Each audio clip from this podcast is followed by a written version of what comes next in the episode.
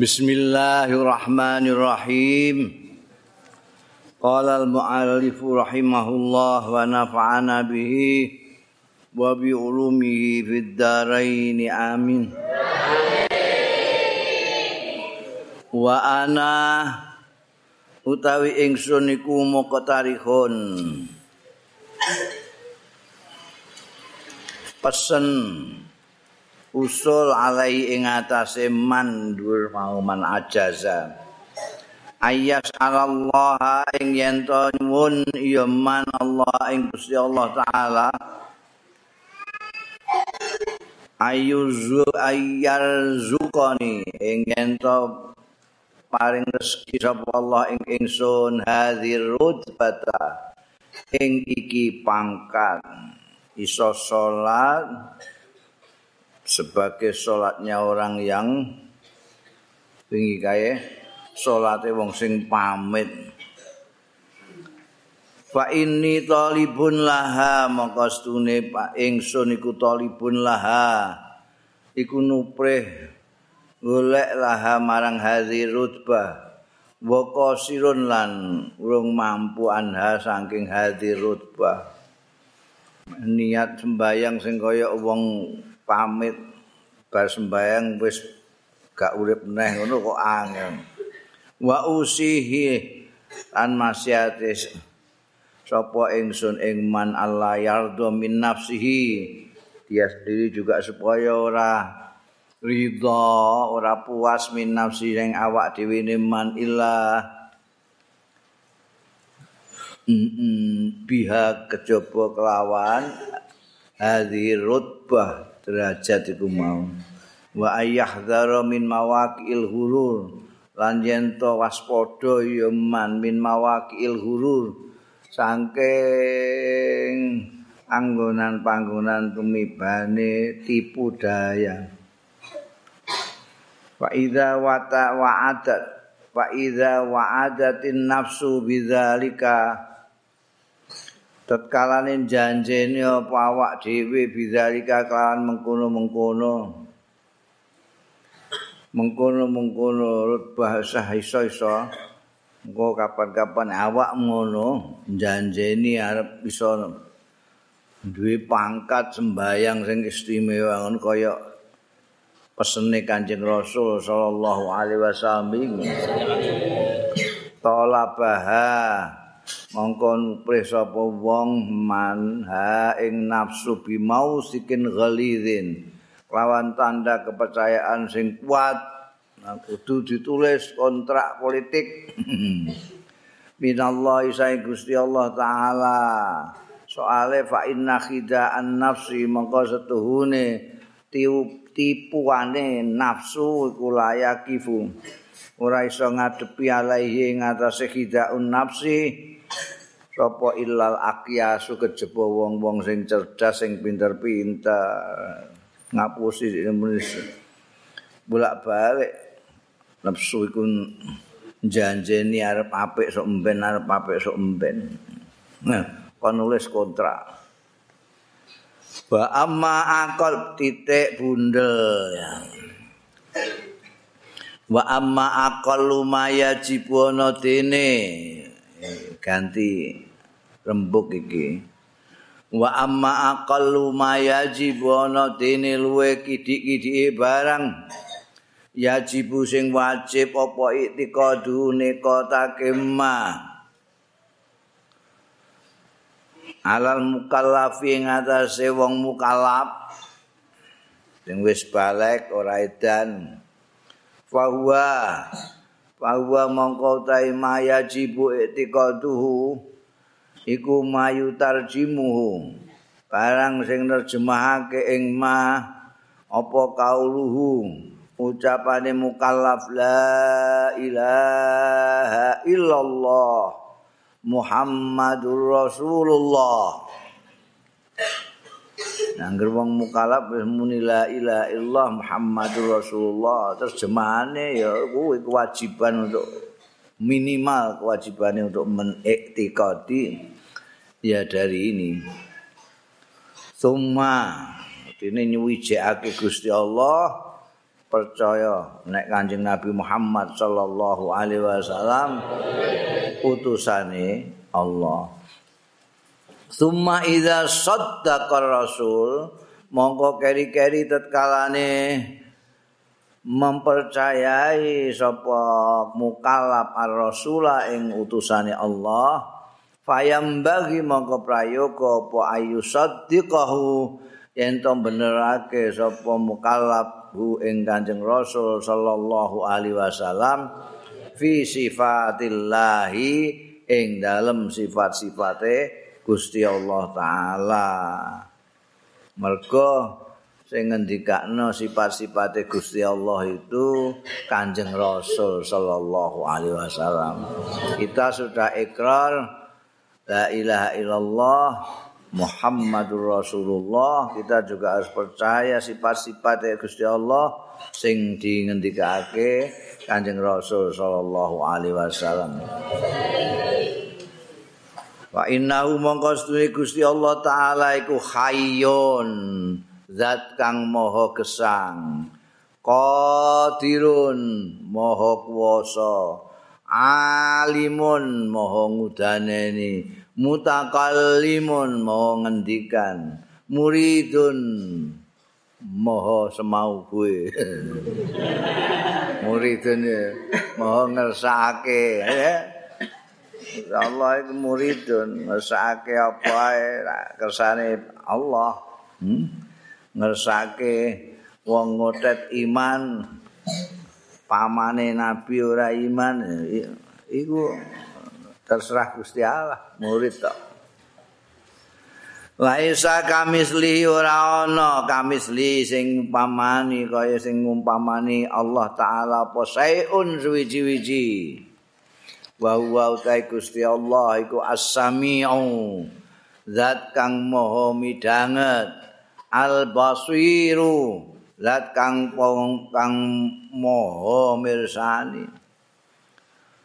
Walaisa alaihi basun walan ora ora wajib alaihi ing atase mukallaf apa bahtun bakas niti-niti an hakikati hadis sifat saking hakikate iki iki sifat.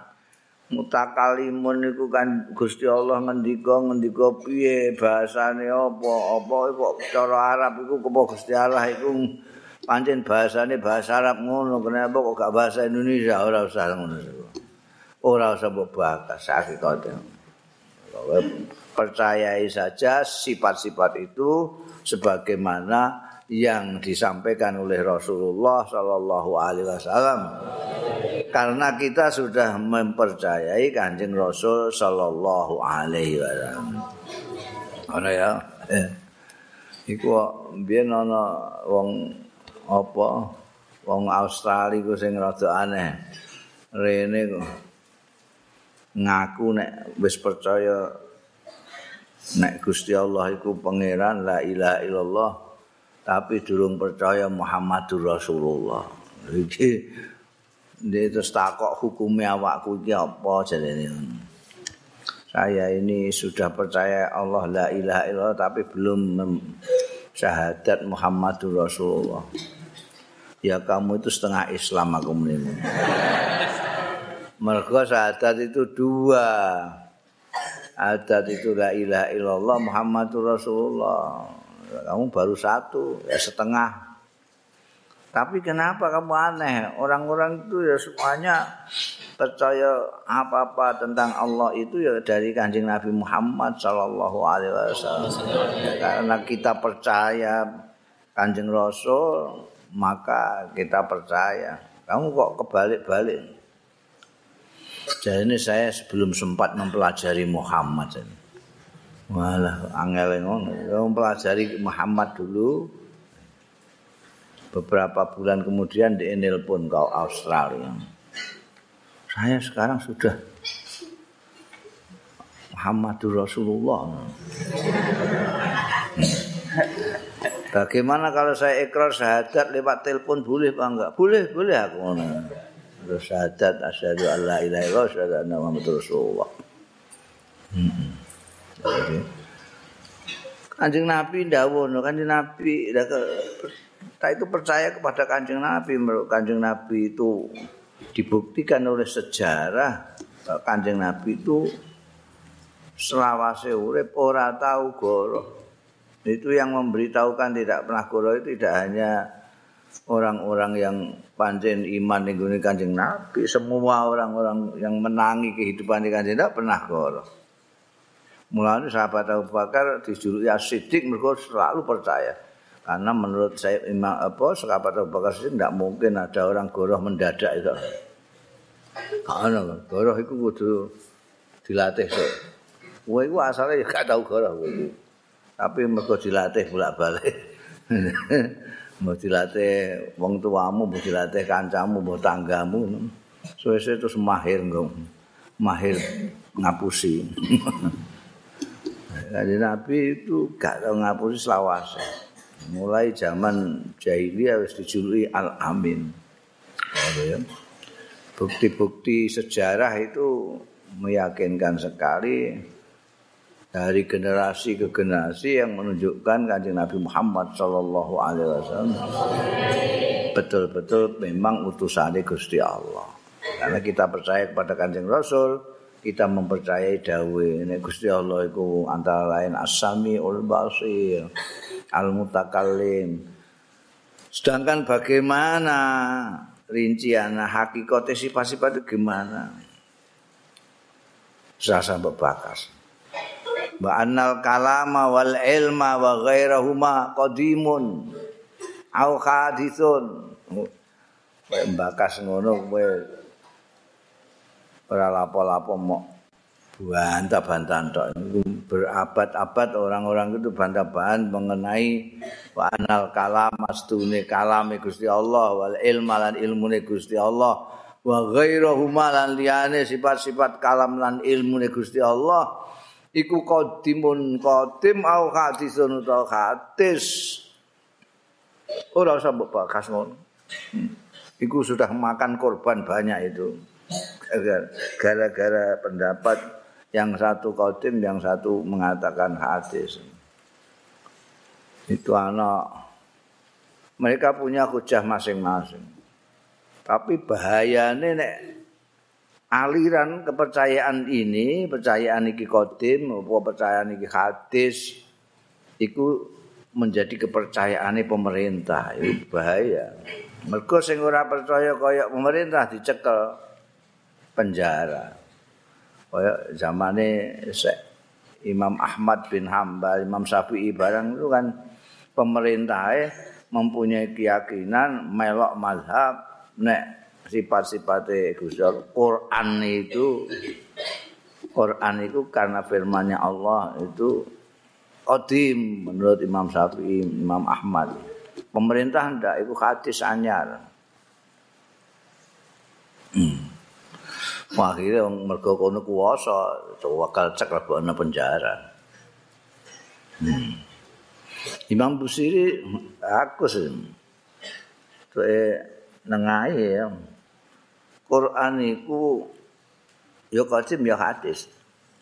Qadim mergo jadi sifatnya zat kang qadim yaitu Allah Subhanahu wa taala. Hadis mergo wis diterjemahno dening malaikat Jibril dalam bahasa Arab kepada Kanjeng Rasul sallallahu alaihi wasallam dan kepada kita. Menurut Imam Ghazali rasa bebakas ayu mengeluh sirahmu. Baula ba ya enak Imam Ghazali. Balau lam tahtur wis qadim apa hadis ora usah bebakas ben iku urusan teolog saja. Balau lam tahtur balik lamun ora kumrentek tidak tersirat lahu marang mukalab apa hadil mas'alah tu iki mas'alah hatta mata sampai mati mukminan harim mukmin. Ya gue selawase urip ora tau bakas kok kodim hadise sifat-sifat Gusti Allah antek mati wis ora apa-apa tetep mukmin kowe iman iku mau. Walaisa alaihi ta'allumul adillah ora wajib juga alaihi ing atase mukallaf apa ta'allumul adillati belajar dalil-dalil. Dalile sifat sami iku apa dalil wis ora usah percayane ora wis. Apik iki. Alati hararaha almutakallimun. Ing nyatet ha ing lati adillah sapa almutakallimun orang-orang apa teologi. Teolog teolog itu wah senengane bakas ngono-ngono itu dalile iki ana ini ini ini. Wis ora usah ora kowe. Bal kulama hasala balik mongso-mongso kasil fi qalbi ing dalem atine mukalaf apa atas diku benerake bil haqqi lawan hak. Bi mujarradil iman lawan mohong iman mohong iku semata-mata Yes iman ngono aku percaya. Dalil wis rasah jalan untuk aku percaya. Min wairi dalil sing tanpa dalil wa burhanin lan bukti bahwa mukminun. Bahwa saya mukallaf iku mukminun mukmin asah repot-repot kowe. Saya mau koyo ilmuwan ae. Hmm. Wis pokoke aku iman.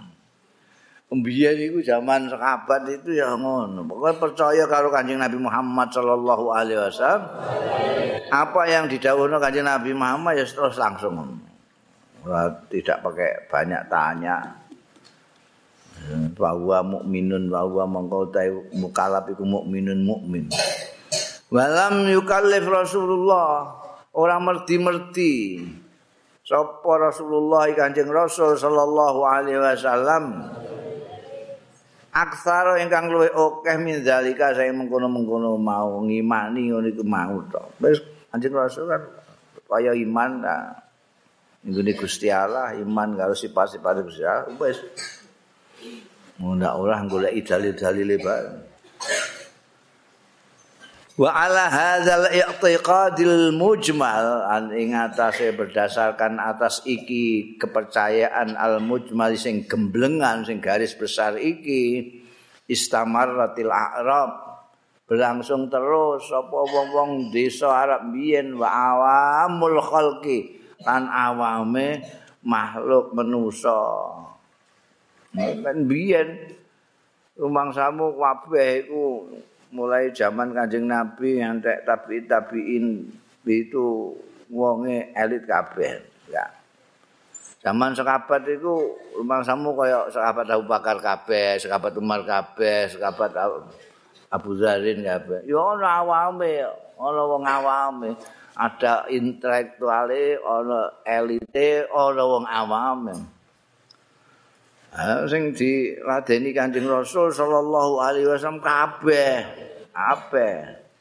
Mane aku bolak-balik muni nek Kanjeng Nabi Muhammad sallallahu alaihi wasallam itu adalah anugerah agung dari Allah Subhanahu wa taala karena beliau pemimpin yang manusia dan mengerti manusia. Jadi mengerti manusia ada orang-orang tertentu yang diberi amalan tertentu, dikasih pesan tertentu, ada yang secara umum itu gampang kabeh. Anjing Nabi itu tidak merdi-merdi kecuali yaitu garis besar. Garis besar. Hmm. Dawuh Ida amartukum bi amrin fa'tu minhu mastata'tum. Mastata'tum masing-masing orang mempunyai ukuran sendiri-sendiri. Kamu kalau aku perintahkan sesuatu, kerjakan semampumu. Kan seje semampumu mbek semampuku. Eh? Semampumu kan sedekah mampumu piye aja. Nah, iso ngungkuli mampuku. Aku duit akeh. Oh. Iya, saya semampunya sekian, saya semampunya sekian. Jadi terus berlaku semua, sing elit, sing awam bisa melaksanakan semua karena semampumu itu. Ono sing sembayang ora namung apal Fatihah tapi apal surat-surat Al-Qur'an liyane ya kan sembayang dengan itu. Lah ono sing isane lagi Fatihah tok. Mampune Fatihah tok, ya Fatihah tok, terus rukuk langsung. Ngono sing Fatihah gak iso sare. Sane Allahu Akbar. kok isane kok Allah Akbar? Kok bolak-balik krungu wong demo? Ya Allah Akbar Allah Akbar. Sak mampu Rasulullah itu ya. Jadi itikad juga mujmal begitu itu. Nyatanya itu juga selama ini dilaksanakan oleh orang Arab orang Arab ojo orang Arab ya orang Arab itu bangsa Arab Arab itu orang-orang dusun Jadi di Arab itu ada yang di pelosok-pelosok sekali. Itu sing bahasa Arab isih kuwentel sing gawe ini dienggo syahid ning gone nahwu Arab iku nek gak Quran hadis ya kaulul Arab. Mergo isih asli pulen bahasa Arab. Nah mereka ini ya wes orang Arab itu. Ya etikatnya etikat garis besar itu. Nah, kan Oh, nyelidiki dalilan segala macam. Wah, ora kober ini. Ngurusi sawahe piye jae. Wa awamul khalqi illa man waqa'a fi baldatin kejaba wong waqa'a kang tumiba ya wong fi baldatin ning dalem negeri yakra sing ngotok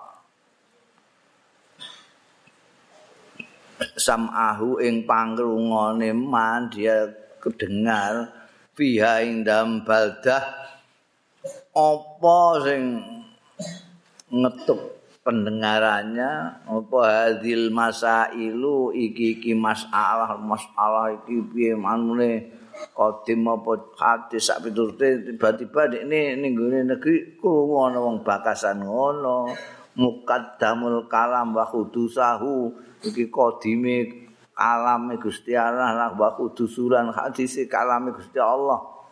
Wa maknal istiwa lan maknane istiwa buakas Gusti Allah kok istiwa iku pinara iku piye istawa alal arsi ning Quran iku kan pembahasan kan panjang lebar ulama salah maupun kholaf eh iki nah kowe pas ning mbah akeh ning endi ngono krungu ana wong bakas iku. Lah piye meneh wong. Jane nek gak krungu aku gak kepengin bakas iki terus ana ning kono rame bakasan istiwa iku piye maksude? Duduk di singgah sana maknane piye Gusti Allah kok duduk itu. Wan nuzul lan mudun Gusti Allah mudun ning langit dunya iku piye gairi lan liyane lah liyane eh ungkapan-ungkapan sing dibakas karo orang-orang teolog itu. Ini istiwa iku apa? Pak ilam yakut mongko lamun nyanda ora ngalap apa zalika mengkono-mengkono mau kol bau ing atine. Wa bakialan tetep sapa wong mukalap mau tetep iku mas tetep mashulan ketungkul bi ibadatihi lawan ibadahe wong. Wong ndi man waqo amal ilaman waqo fi baldatin bi ibadati kelawan ibadat man wa amalilan amal man fala kharaja alaihi. Mongko ora ana apa-apa alaihi alaihi ing atase man. Kharat ora ana sungkan ana apa dosa. Niku kepenak. Dadi nek ora ning ketemu ning satu daerah ana wong bakasan ngono. Wong rame mbakas kodim hadise kalamullah. Mbakas istiwa mbakas nuzul tumurune Gusti Allah ning langit. Niku carane mudhun piye? Tapi turute nek kowe krungu ngono tapi belas ora terganggu ibadahmu kowe tetep sembayangmu ya biasa ora kok ngantekan bakas iku melok-melok kepengin bakas iku barang. Ngamalmu sih tetep kaya biasa. Ya wis ana apa-apa terus nae apa ngurusi ngono-ngono tapi wa in akhadha dzalik bi qalbihi namun ngarap apa zalika mengkono-mengkono persoalan mau bi qalbi ana ing atine man terus tergoda iki dombakas ramene ngene iki. Iya ya. Quran iku hadis apa qadim ya? Istiwa iku apa ya? Ngantek ngganggu kowe nek ngono fa'aqallul wajibati mongko luwe idik-idike sing wajib wajib alai ngatasé man iku maktaqadahu salaf. Barang sing nekotake ing ma apa asalafu ulama salaf? Ulama salaf piye nek nekotake? Fayak takidu mongko nekotno sapa ulama salaf fil qur'ani tentang Quran al qidama wis melok ulama salaf ae Quran niku kidam wis wong iku sita wong iku kalamullah kok ya kidam melok ae ambek-ambekan ulama salaf. Sing muni hadis iku ulama-ulama nguri-nguri Kama qala salafu kaya dening endika sapa as-salafu ulama salaf Al-Qur'anu kalamullah. Utawi Qur'an iku kalamullah pengendikane Allah taala ghairu makhlukin dudu makhluk. Oh iku kepercayaane ulama salaf. Wa ya taqidulan nekatake ulama salaf iku annal istiwa setuhune istiwa iku hakun bener. Wasu'alu tawi takon anhu tentang istiwa ma'al istihnai sartane ora ana gunane iku bid'atun bid'ah. Mbok gua apa jane nek tak jawab istiwa iku apa. Rasa takok-takok wis pokoke istiwa bener istiwa. Nek takok-takok malah bid'ah wal kaifiyatu fihi utai carane fihi dalam istiwa majhulatun ora kinaweruan. Oh istiwa sing maknane dud istiwa alal arsi duduk di atas singgasana. Itu bagaimana? Tidak bagaimana tidak bagaimana. Pokoknya ya pokoknya hak benar. Bahwa Allah istiwa alal ars. Carane ora ngerti aku. Majula. Ngerti iku piye wong awake dhewe iki titahe kok ngerti Gusti Allah itu ketemu pirang perkara. Ngerti ya hanya disampaikan oleh rasulnya saja. Piye carane mesti ora padha karo kita istiwa, jelas ora padha. Hmm. Kaya kursi iku kursi mbek dampar omong-omongan ambek dingklik. Kursi meja dingklik omong-omongan. Mbakas tukang kayu. Ini tukang kayu kira piye tukang kayu. Jadi ya linggih barang kaya awake dhewe ngadeg barang. Apa ngejejer sikile wicin ngono ya. Iki apa sikile pesagi-pesagi ngono apa bulet-bulet. Dikandani, "Wah, sikile tukang kayu ana wulune bareng." Wah, bingung dene.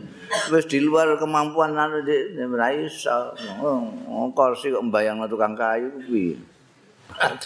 Ndi padakno padha-padha di sikil sikile tukang kayu padha karo sikile kursi.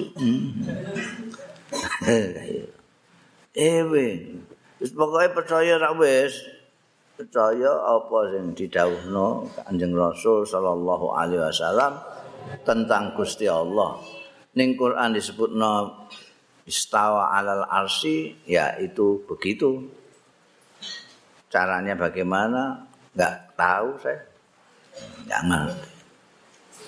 Fayuk minu mongko iman apa wong salah bijami imaja abi syar'u bijami ima kelawan sekabehane barang jaa kang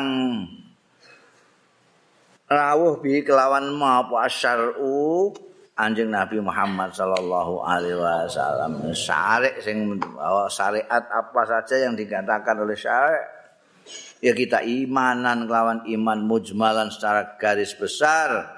Min ghairi basin saking tanpa niti-niti anil hakikati saking hakikoe wal kaifiyati lan carane. Nek ulama khalaf iku saking hati-hatine kadang-kadang wong awam iki pertanyaane ndelok terus sing ora-ora. Terus ista, istiwa itu dimaknani istaula nguasani. Nek soal nek salah kok apa anane? Cuma kita nggak tahu caranya fa illam yanfa'ahu dzalik. Wa ghalaba al qabil iskal. Lamun ora maedai ora manfaati apa hu ing wong man wako amal apa zalika mengkono-mengkono blas ora manfaat. Bagola ba ala qalbi lan nglindih ala qalbi ing atase atine man apa al iskalu justru kesulitan? Iskal ngono piye? Allah pin ah, wasaku terus ragu-ragu. Fa in amkana izalatu. Mongko lamun mungkin apa izalatu sakihi ngilangake keragu-raguane man wa eskal hilan ora mudenge man eskal itu bingungine man. Bikalamin qaribin minal afham kelawan kata-kata qaribin sing parek minal afhami sing pemahaman-pemahaman ya dikai anu dikai pengertian gitulah nek kowe bingung ngono bingung piye ya aja bingung-bingung Iku mau kata contohno kursi mbek anu mau mbek tukang kayu mau. Nek ngono wis iso paham ya wis. Wa ilam yakun kawiyan indal mutakallimin najan ora ana ya kalam ora ana iku kawiyan kuat indal mutakallimin mungguing orang-orang ahli kalam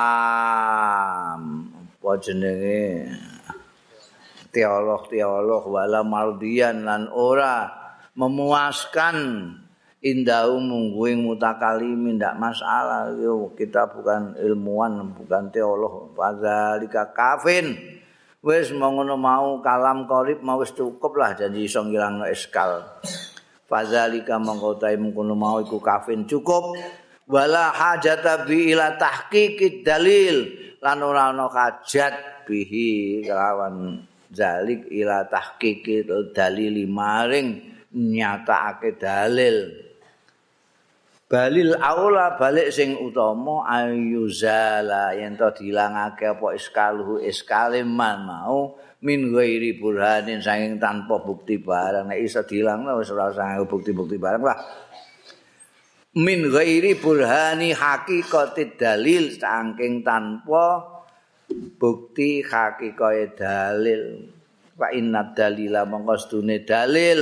Iku layatimu ora sempurna ya dalil illa bitar soal kejaba kelawan mengetahui ngawruhi as-soal bidar kesuali wal jawabi lan jawaban anhu saking soal wa mahmadzu kirati syubha. An semongso ditutur apa subhatu subhat iku piye carane anu? Inara iku piye? Ngono iku subhat subhan palayab udu ayung kira bi qalbi mongko ora apa ayung kira yen to ngingkari sapa wong bi qalbi kawan atine man wa bi kulli wa yakilu fahmuhu. Lan abot yakilu ngesono lah. Ah iso aku gak kuat. Apa fahmu mahamane man mau andar ki jawabi saking mengetahui jawab dalik idi subhata kenapa? Idi subhat idi subhatus jalanan setuhune subhat sesamaran sesamaran subhat sing dadekno wong bertanya-tanya. Kot takunu kon terkadang ana ya subhah ana iku jaliyatun jelas ketok subhate. Wal jawabu tai jawab iku dakikon. Ana apa jawab iku dakikon duake wah apa jenenge rumit. Layah tamilu ora iso nanggung ing jaat dakik jawab sing dakik apa akluhu akale wong man. Wali hadza krana iki zajaro nyegah sapa asalaf ulama salaf anil bahsi saking niti-niti saking membahas wa taftisi lan yo nyelidiki anil kalami saking kalam. Wa inna ma zajaru angin pestine nyegah sapa ulama salaf anhu saking bahs wa taftis anil kalam lidu afail awam kanggo wong lemah-lemahe wong awam wong awam sing lemah-lemah sing ora pikirane ora pati dawa rasa bakas iku rasane diniti ngono. Wa amal mustaghillun ana dene wong-wong sing pancen istighole kerjane ketungkule bidarkil haqaiq kaya teolog-teolog iku bidarkil haqaiq kelawan ngaweruhi hakikat-hakikat ahli-ahli falsafat barang iku. Falahu mongko iku hae mereka mustahilun utawi khaudun nyemplung bakas nyemplung ghamratil iskal khaudu ghamratil iskal nyemplung ning gone kedalaman eskal iki. Ana sing sulit-sulit justru dia nyemplung ning kono mbahas kata-kata wong ini pancen ilmuwan khusus soal teologi ya. Iku sing dilarang bakas orang-orang awam. Waman ul kalam lil awam yajri man nisiman. Jadi manul kalami utai nyegah alam membicarakan soal itu tadi semua lil awami kanggo wong-wong awam iku yajri lumaku ya manul kalam majra man isibyan ana ing panggonan lumakune nyegah bocah-bocah cilik min syati nahri dajlata saking kisike Bengawan Dajlah. Eh, itu sungai yang besar di Irak itu Dajlah. Tigris orang ngatan Khaufan karena kalau wong Mesir duwe kebanggaan Nil orang-orang Irak kebanggaan Dajlah Bengawan gede. Indonesia ora terima Bengawan Solo. Ana berantas bareng. Khaufan krana nguwatirake minal gharake saking kelep. Bocah cilik, "Eh, aja dolanan ning gone pinggir kono." Lah kok wong tuwa-tuwa kok oleh ngono. Ini padha karo iku wong awam. Ya wong awam ora usah bakas-bakas sing ngono-ngono iku. Niku teolog teolog kok angsal. Jadi sama nah itu. Yang ngerti maksudnya njogo lah bocah iki supaya ora kerem waruh satul akuya fihi sedangkan perkenan untuk orang-orang yang kuat fihi dalam kalam iku tudahi madani ya rukhsah rukhsatal mahiri eh kemurahan ringanan orang yang mahir visun atis sibakati ing dalem apa jenis laku renang. Itu perenang-perenang tingkat internasional. Mbok wong nglarang aja dolanan ning pinggiran. Eh. Beda mereka itu perenang-perenang yang memang profesional sampai bocah cilik mau bocah cilik dilarang ning pinggir kono mereka ini diperbolehkan. Ya padha karo itu mau. Orang awam dilarang tapi teolog-teolog silakan illa anna hahuna mau di wahururin illa anna hahuna. Mung wae setune ana ing kene bab bakas kalam iki mau diahururin ana panggonan hurur ketertipuan mazallat qadamin.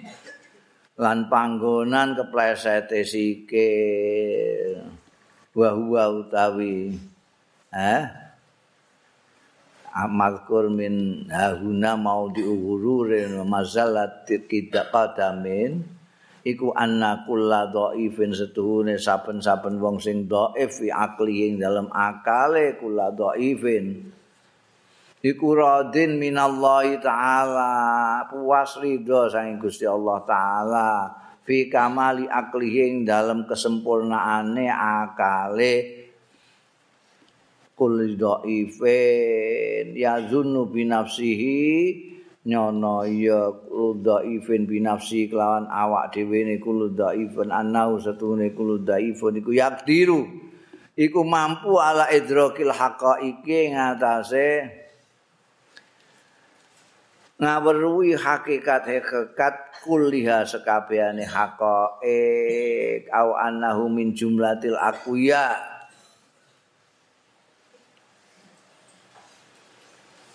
utawa ndikne iku min jumlatil aqwiyai saking jumlahe orang-orang kuat. Parubama yakhuduna payah ini bedanya tadi kalau orang ahli renang dibiarkan di pinggiran karena mereka memang bisa berenang.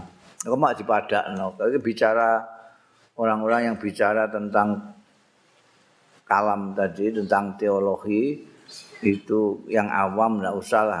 Malah bingung sirai sing ahli-ahlian gitu Allah biar saja.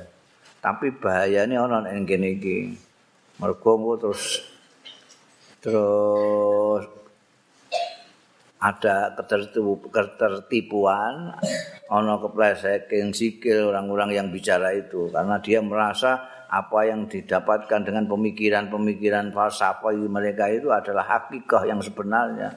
Itu anu nih, bahaya nih. Ya.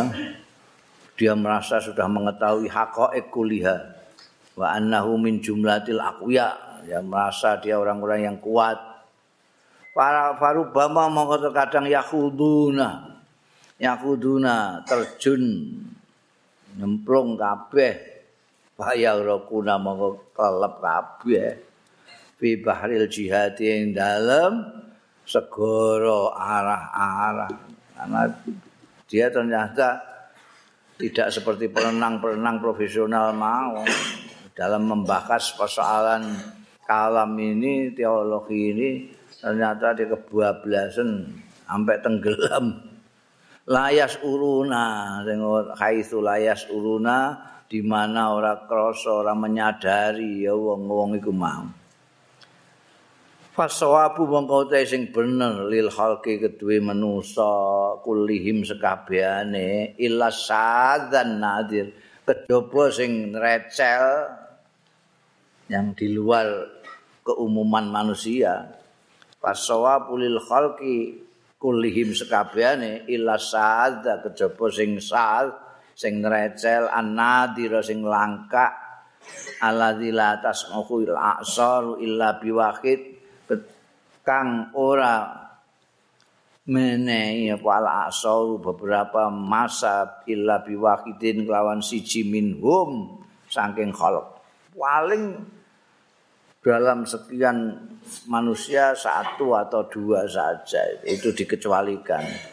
Tapi secara umum siji minum awis nain utawa loro siji utawa loro.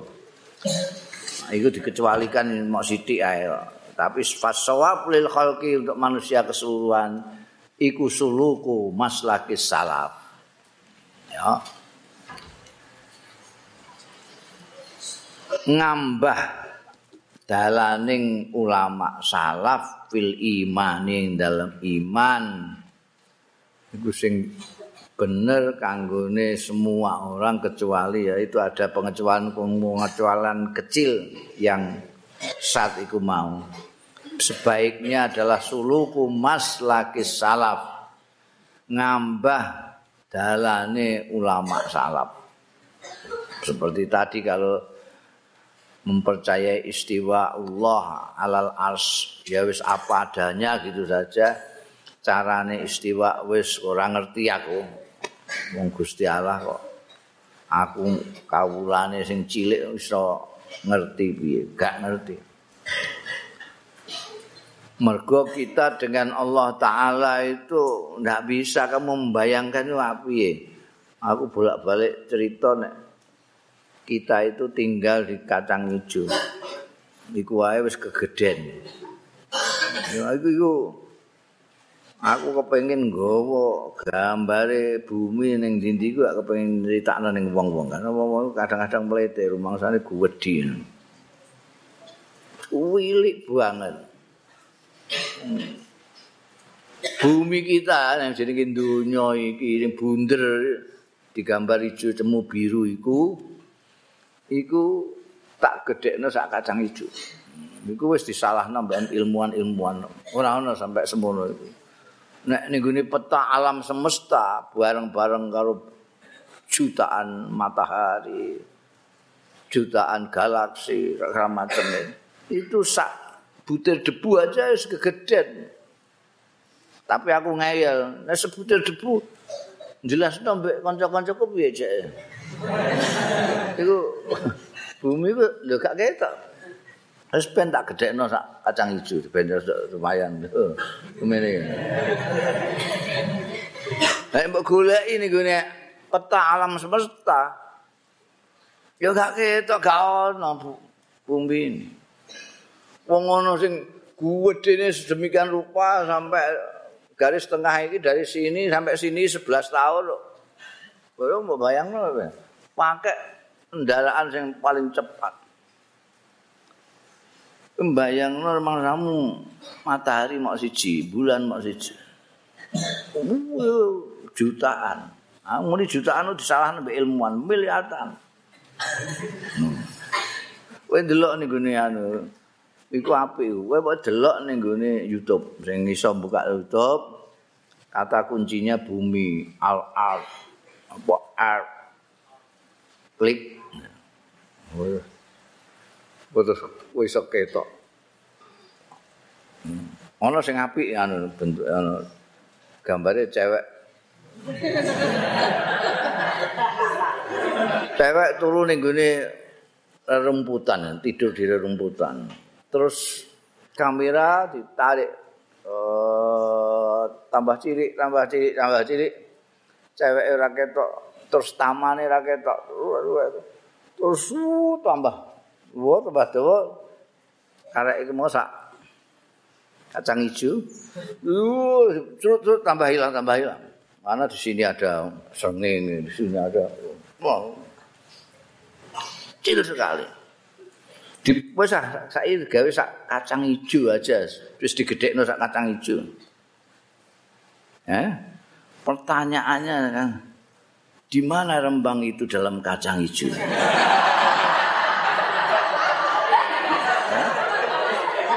Di mana? Lah kok pertanyaan aku goblok di mana TPS? kok TPS? Tempat pencoblosan suara. Pemungutan. Lho ngono wong gegere kok yo yo ngono Mas Gusti Allah barang dijak ngurusi semono itu. Mereka itu lali gede rumangsane ndekne iku sepiro muni Allahu Akbar tapi tidak bisa ngecilkan dirinya sendiri kecilkan kamu itu bersama tujuh setengah miliar di kacang hijau itu sudah tak gede no. Nanti mana tujuh miliar itu? Tujuh miliar itu.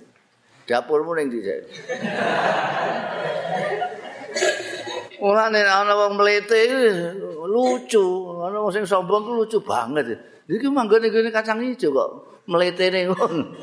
Ora usah melenet kowe, sak kacang ijo melenet dilu ae. Lah ngene kok ameh mbayangno Gusti Allah pinarak ning ngene aras iku piye cek. Wong kowe gak ketok rupamu.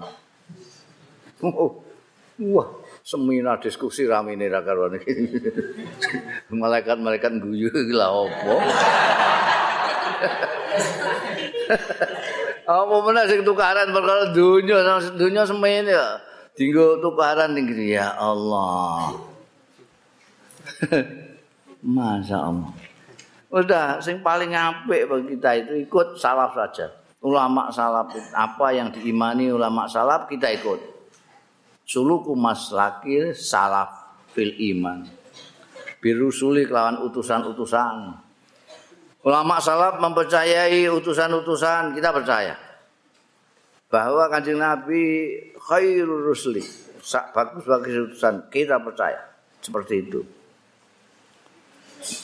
Adapun ternyata apa namanya bukti-bukti historis menunjukkan memang kanjeng Nabi orang hebat, ya itu beneran ngono Tapi jadi percaya ngono wis cukup. Nah, mantep kita. Wa tasdiqi lan benerake al mujmali sing gemblengan gemblengan secara garis besar bikul lima nazzalahu lawan sekabehane barang sing wis nurunake hu ing kulima sapa Allah taala Gusti Allah taala. Wa akhbara bi lan ngabari sapa Allah taala bi kelawan mah sapa rasuluhu utusane Allah. Min ghairi bahsin saking tanpa niti-niti wa taftis lan selidiki. Min ghairi bahsin niti-niti wa taftisin lan nyelidiki penyelidikan. Anil adillati saing dalil-dalil. Bal il istighal balik al istighalu ketungkul. Sibuk bitakwa lawan takwa alaihi ngatasé Gusti Allah. Suhlun sahilun iku merupakan memang tugas untuk kesibukannya orang yang sibuk. Ilqala jalanan dawuh sapa Kanjeng Rasul sallallahu alaihi wasallam. Haitsu ra'a ashabahu. Sekira pirsa Kanjeng Rasul sallallahu alaihi wasallam ashabahu. Ing sahabat-sahabate Kanjeng Rasul yahuduna. Padha terjun apa nyemplung iku artine dombakas ngono iku. Kanjeng Nabi tahu pirsa sahabat-sahabate yahuduna mempermasalahkan ini, mempermasalahkan itu. apa bahasa sing apik iku yahuduna terjun ya gak mencakup. Nyemplung ya ora ana banyune ra apa maksudnya ning kono ana wong kumpul-kumpul bakas melok mlebu jret yahuduna dadi mereka semua dalam kumpulan itu bakas sing kayak kita bicarakan tadi tentang Gusti Allah. Apa jenenge? Turun di langit bab langit bumi itu piye? Oh kan ana pangandikan Gusti Allah itu nanti tengah malam itu turun ke langit bumi nawar-nawarin hamba untuk mohon apa. Itu dibakas. Ya yes, dimaknani pembakas saya. Ra'a ashabau yahuduna padha bakas-bakas ba'daan ghadiba sawise duka Kanjeng Nabi. Khatah marrat sehingga memerah apa wajnatahu wedanane Kanjeng Rasul sallallahu alaihi wasallam. Nabi nek duka mau kelihatan merah mukanya gitu aja. Merahnya mukanya berarti Kanjeng Nabi duka. Orang ngantek melotot-melotot kayak kowe kan. Terus dawuh setelah itu abi apa bihada umirtum? Ana to kelawan iki umirtum diperintah sira kabeh. Eh kowe wis dikongkon eh ngobrol rembukan debat soal ngene-ngene tadribuna kitab Allah ba'dahu bi ba'din terus kowe tadribuna kitab Allah meng menghadapkan kitab Allah ba'dahu sebagian kitab Allah bibadin lawan sebagian yang lain. Unzuru ningalono sira ma ing barang amarakumullah sing perintah kuming sira kabeh sapa Allah bi kelawan ma wah nek saiki ana Kanjeng Rasul bolak-balik wis ditakoki apa kan abi hadza umirtum amal kowe tukaran ben kanjeng Alif hadza umirtu. Kowe dikongkon ngene iki. Iki lagi mbakas ngono ae di dawuh Kanjeng Nabi, dukani Kanjeng Nabi. Abi hadza umirtu. Apa kowe diperintahno ngene iki? Oh, wis mbakas kitabullah mbok jikuk kene jikuk kene hadap-hadap kan dalil kene kene dalil kene. Delok ah unzuru ma'amarakum ing barang kang perintah sira kabeh sapa Allah Gusti Allah bi kelawan ma faf'alu lihat saja apa yang diperintahkan Gusti Allah iku ae lakonono kowe diperintahkan apa? Sembayang sembayang perintahno sumu poso wis iku ae delok ae sing diperintahkan Gusti Allah lakoni. Wa manahakum anhu fantahu. Tai barang sing nglarang sapa Allah kum ing sira kabeh anu saking mafan tahu mongko nah ana nyegah sira kabeh. Sing dilarang doi. Sing diperintahno lakoni sudah.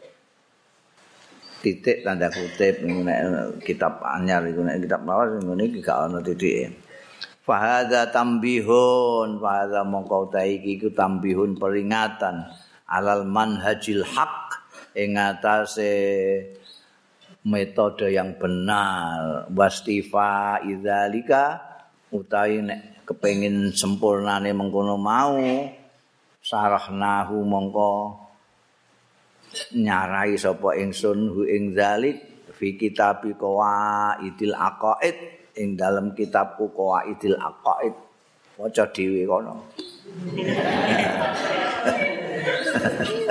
Payut laku mongko digoleki minhu saking kitabku mau wasalam.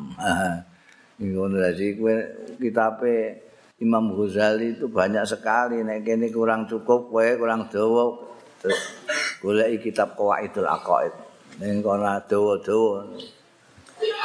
Eh eh wis bar iki.